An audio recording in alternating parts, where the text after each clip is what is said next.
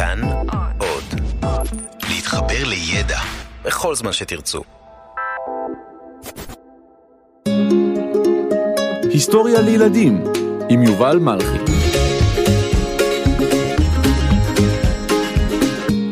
מרקו פולו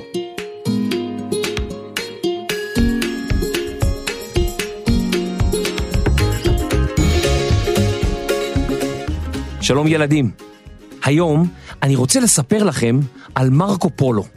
הבאתי אותו איתי לאולפן, אבל הוא נעלם לי. רגע, אני מחפש אותו. סליחה, אולי ראיתם את uh, מרקו? פולו. אה, לא פה, אוקיי. Uh, סליחה, אתם, uh, אולי ראיתם את מרקו? פולו. מה, גם פה לא. זה אולי במחסן. מרקו? פולו. פולו. מה זה? בכל מקום שאני מחפש את מרקו, צועקים פה לא. אז, אז איפה הוא כן?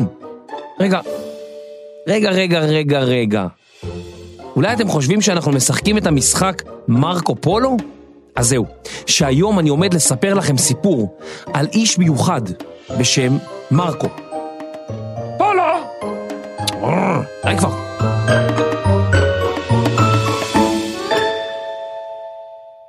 חוץ משם של משחק חיפושים פופולרי, מרקו פולו היה כפי הנראה שם של אדם אמיתי, מגלה ארצות איטלקי שחי לפני כ-800 שנה. בתקופה שחי, תושבי אירופה ידעו מעט מאוד על יבשת אסיה הרחוקה. מרקו פולו הסקרן החליט לשוט, ללכת ולנסות להגיע רחוק ככל האפשר. במסעותיו הוא הגיע לסין ושירת את השליט המונגולי קובלאי חאן במשך שנים רבות. בתקופת שהותו בסין נחשף לתרבויות שלא היו מוכרות לעולם המערבי. כשחזר לאיטליה הוא סיפר לאנשים על חוויותיו, אבל הן היו פנטסטיות, מדהימות ומשונות כל כך, שרבים חשדו שהוא המציא את הכל. אז הנה לפניכם סיפור על איש שסיפור הרפתקאותיו חיבר בין מזרח למערב. איש שעזר לשנות את העולם.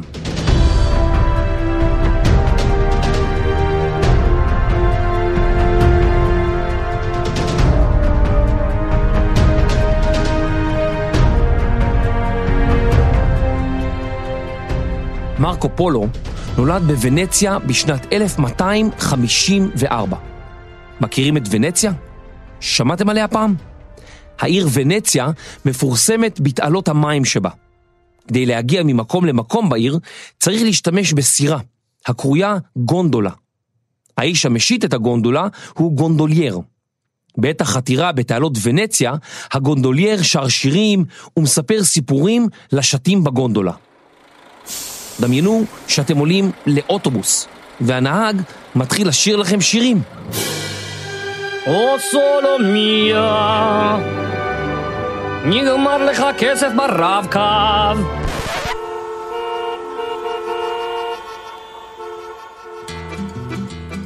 העיר ונציה, השוכנת בצפון איטליה, מוכרת היום כעיר ציורית ויפה מאוד.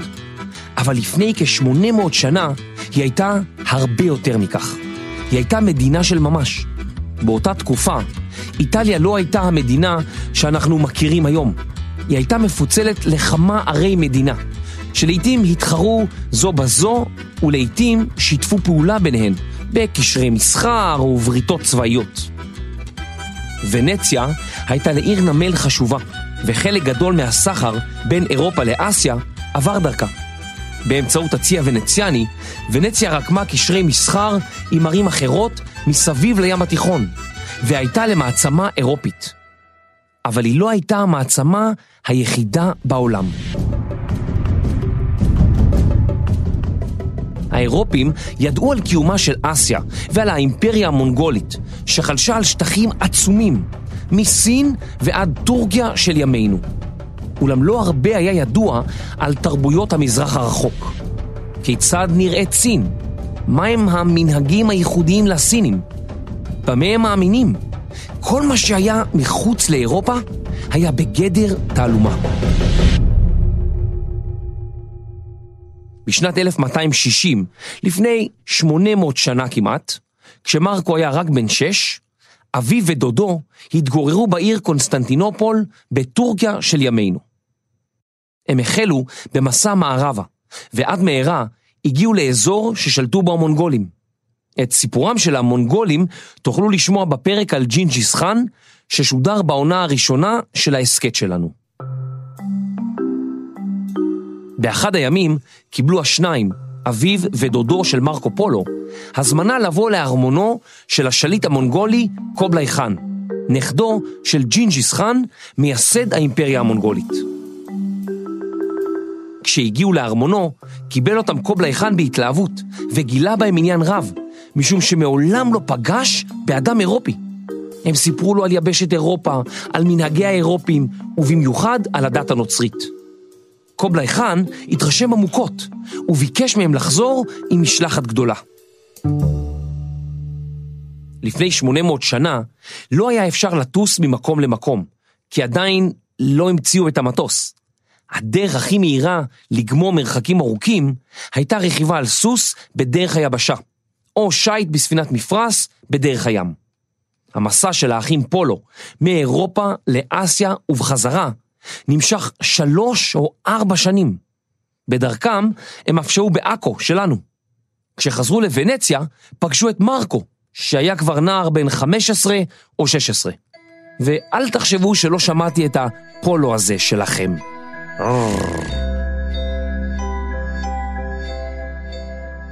בשנות היעדרותם של אביו ודודו נפטרה אמו של מרקו. הוא עבר להתגורר עם אחד מדודיו והיה לימי. כשאביו ודודו חזרו מהמסע, הוא שמע את סיפוריהם המרתקים, והיה להוט להצטרף למסעם הבא ליבשת אסיה. במשך שנתיים הם התארגנו למסע, אספו ציוד, וגם ניסו לגייס אנשים נוספים שיבואו איתם. מעטים הסכימו להצטרף אליהם, משום שסיפוריהם על האימפריה המונגולית ועל התרבות הסינית נשמעו כהמצאות, פרי דמיונם הקודח. פשוט לא האמינו להם. אתה שומע מה אומר המרקו פולו הזה?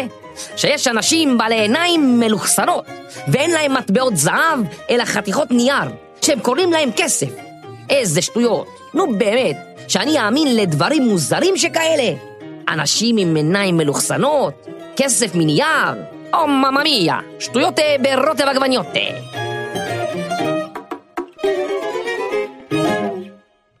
כשהיה בן 17, יצאו מרקו פולו, אביו ודודו למסע, ועלו לאונייה שהפליגה מזרחה. מטרתם הייתה להגיע שוב לארמונו של קובלאי חאן, שליט האימפריה המונגולית. בדרכם עגנו כאן, בארץ ישראל. הם עלו לירושלים כדי לקחת כד ובו מים קדושים מירושלים. עד מהרה הם החלו במסע היבשתי. היה עליהם לעבור דרך ארוכה, דרך המשי. זו הייתה למעשה רשת של דרכים שחיברה בין מזרח למערב, והיא זכתה לשמה בשל בד המשי, המוצר הכי יוקרתי שהעבירו דרכה מסין לאירופה.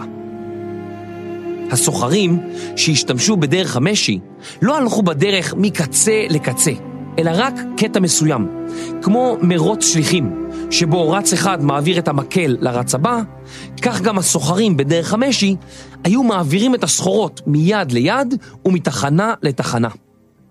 זו הסיבה שהאירופים לא הכירו אנשים שהתגוררו בסין. על אף שהיו ביניהם קשרי מסחר, האנשים בשתי הארצות בקושי הכירו אלה את אלה. מרקו פולו, אביו ודודו, היו מהסוחרים הראשונים שעשו את הדרך כולה, מאירופה עד סין. מרקו פולו, אביו ודודו, ידעו שהמסע לא יהיה קל. הם חצו מדבריות, טיפסו על הרים והתגברו על כל תלאות המסע. מה שהיום אפשר לעשות בטיסה של כמה שעות, ארך אז ארבע שנים. כשהגיעו סוף סוף לצפון מזרח סין, הם הגיעו לארמון המפואר זנדו, ארמון הקיץ של קובלאי חאן. מרקו פולו נדהם לגלות עד כמה מפואר ארמונו של השליט המונגולי. וכך הוא סיפר. ארמון עצום, עשוי שיש, שהחדרים והאולמות בו מצופים זהב. החומה שמסביב מקיפה גנים רחבי ידיים, המושקים במי מעיינות ונחלים. קובלאי חאן קיבל את הכד שמרקו פולו, אביו ודודו סחבו איתם כל הדרך מירושלים. זו הייתה תחילתה של ידידות מופלאה. קובלאי חאן הבין שמדובר בסוחרים רציניים, שאינם פוחדים מאתגרים, והחליט לצרף אותם לחצר הארמון.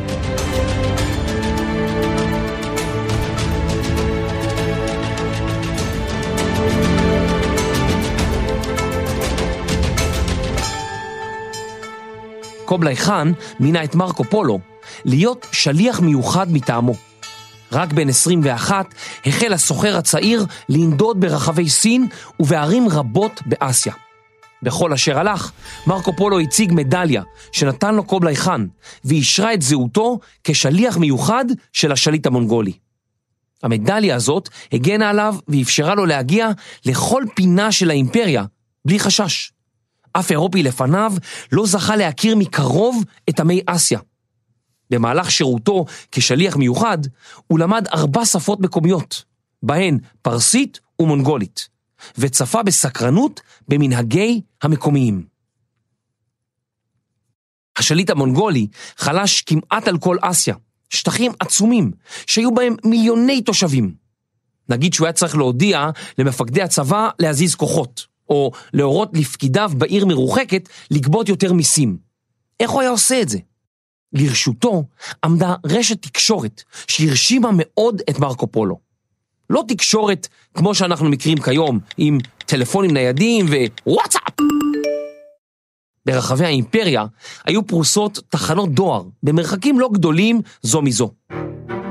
שליחים רשמיים שיצאו לדרך כדי למסור הודעה ליעד מרוחק, היו מגיעים אל התחנות הללו, מעבירים את הידיעה למי שהיה בהן, ומשם רוכב וסוס רעננים אחרים יצאו לדרכם אל עבר התחנה הבאה. מרקו פולו סיפר, בכל תחנות הדואר הללו יחד יש יותר מ-300 אלף סוסים, המטופחים במיוחד לשירות השליחים, והתחנות מספרן עולה על עשרת אלפים.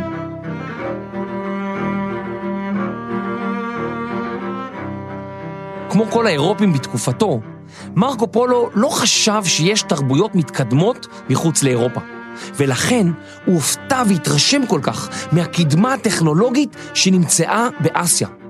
הוא נחשף לחייהם של תושבי הערים הסיניות, שנבנו בצורה מתוחכמת כדי לספק רמת חיים גבוהה למיליוני אנשים. ונחשף גם לחייהם של שבטים נידחים, בעלי מנהגים ואמונות טפלות שהפתיעו אותו.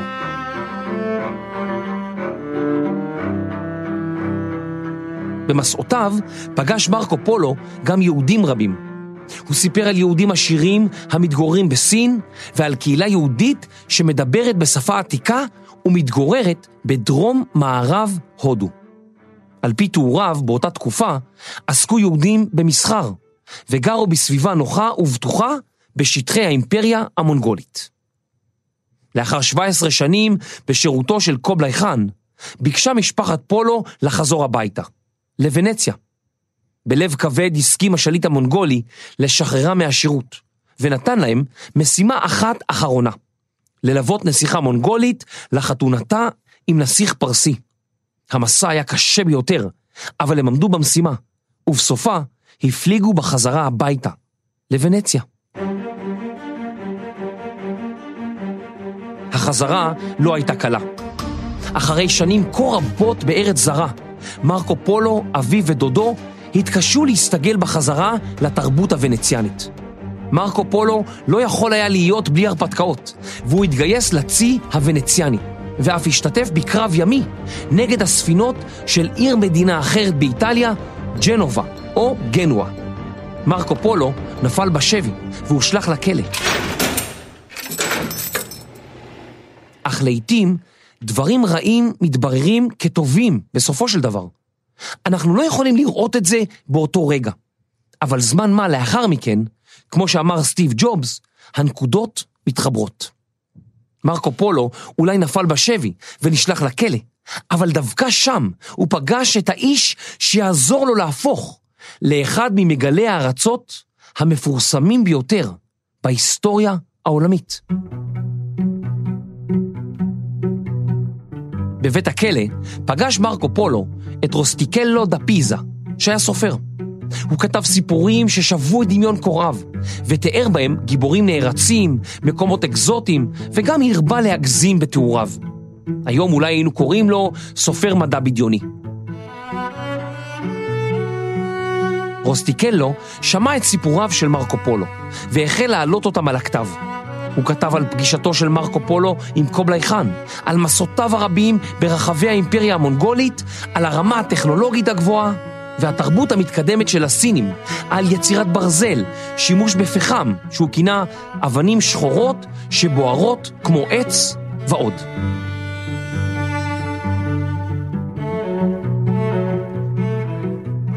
כל התיאורים של מרקו פולו נשמעו לרוסטיקלו דמיוניים.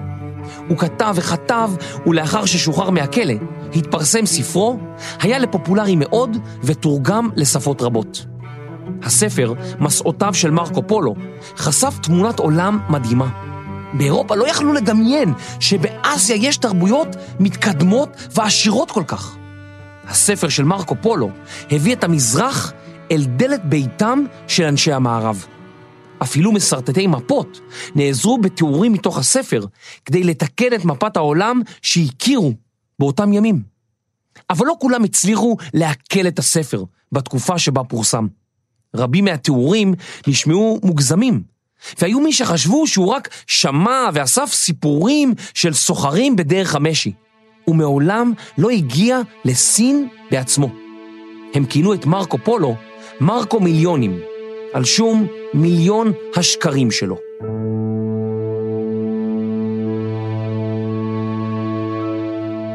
רק מאות שנים אחר כך הגיעו החוקרים למסקנה כי סיפוריו של מרקו פולו היו כפי הנראה אמיתיים. הוא אולי טעה בכמה מסיפוריו מפני שסיפר אותם מזיכרונו, וייתכן כי רוסטיקלו הוסיף פרטים והגזים, ואולי אף השמיט חלק מהסיפורים האחרים. אך רוב החוקרים מאמינים כי לא יכול היה לספר את הסיפורים הללו בלי להיות בסין. אחת ההוכחות של החוקרים שמדובר בסיפורים אמיתיים היא הצורה שמרקו פולו תיאר את שטרי הכסף. הוא סיפר כי במזרח מתנהל המסחר באמצעות ניירות רשמיים שמוטבע עליהם חותם השליט המונגולי. בהיותו סוחר סקרן, הוא גם תיעד באופן מדוקדק את התהליך שבו יוצרו שטרי הכסף. בימינו קל להבין את השימוש בשטרי כסף, אבל באירופה שלפני 800 שנה לא עלה על הדעת שחתיכות נייר שעליהן ציורים ומספרים יחשבו כסף של ממש. לאחר שחרורו מהכלא, שב מרקו פולו לוונציה כדי להקים משפחה. נולדו למרקו שלוש בנות, והוא בחר להישאר בקרבתן ולהמשיך בעסקיו בוונציה. מספרים כי בערוב ימיו, כשהוא שוכב על ערש דווי, שאל אותו הכומר אם הוא יכול להישבע שכל מה שסיפר קרה באמת. לא סיפרתי אפילו חצי ממה שראו עיניי, השיב לו מרקו פולו. הוא מת בן 70 בעיר הולדתו, ונציה.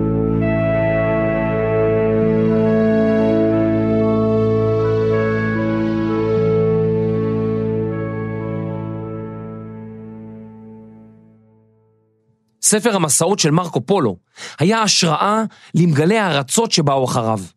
אפילו כריסטופר קולומבוס לקח איתו עותק של הספר למסעו לגילוי יבשת אמריקה. צעירים רבים ששמעו את סיפוריו של מרקו פולו רצו גם הם להיות מגלי ארצות ולפגוש תרבויות חדשות. ואכן באותם ימים רבים הפכו ליורדי ים, נווטים ומגלי ארצות חשובים. מרקו השפיע לא רק עליהם, אלא על העולם כולו. אז עכשיו בואו נשחק מרקו פולו. מרקו, אני שומע אתכם. מרקו, מרקו, הנה אני, מאחוריכם. מה, באמת הסתובבתם? אוי, שאתם מצחיקים. אז מה אתם אומרים? היה כזה איש מרקו פולו? ואם הייתם יכולים, לאיזה מסע הייתם יוצאים?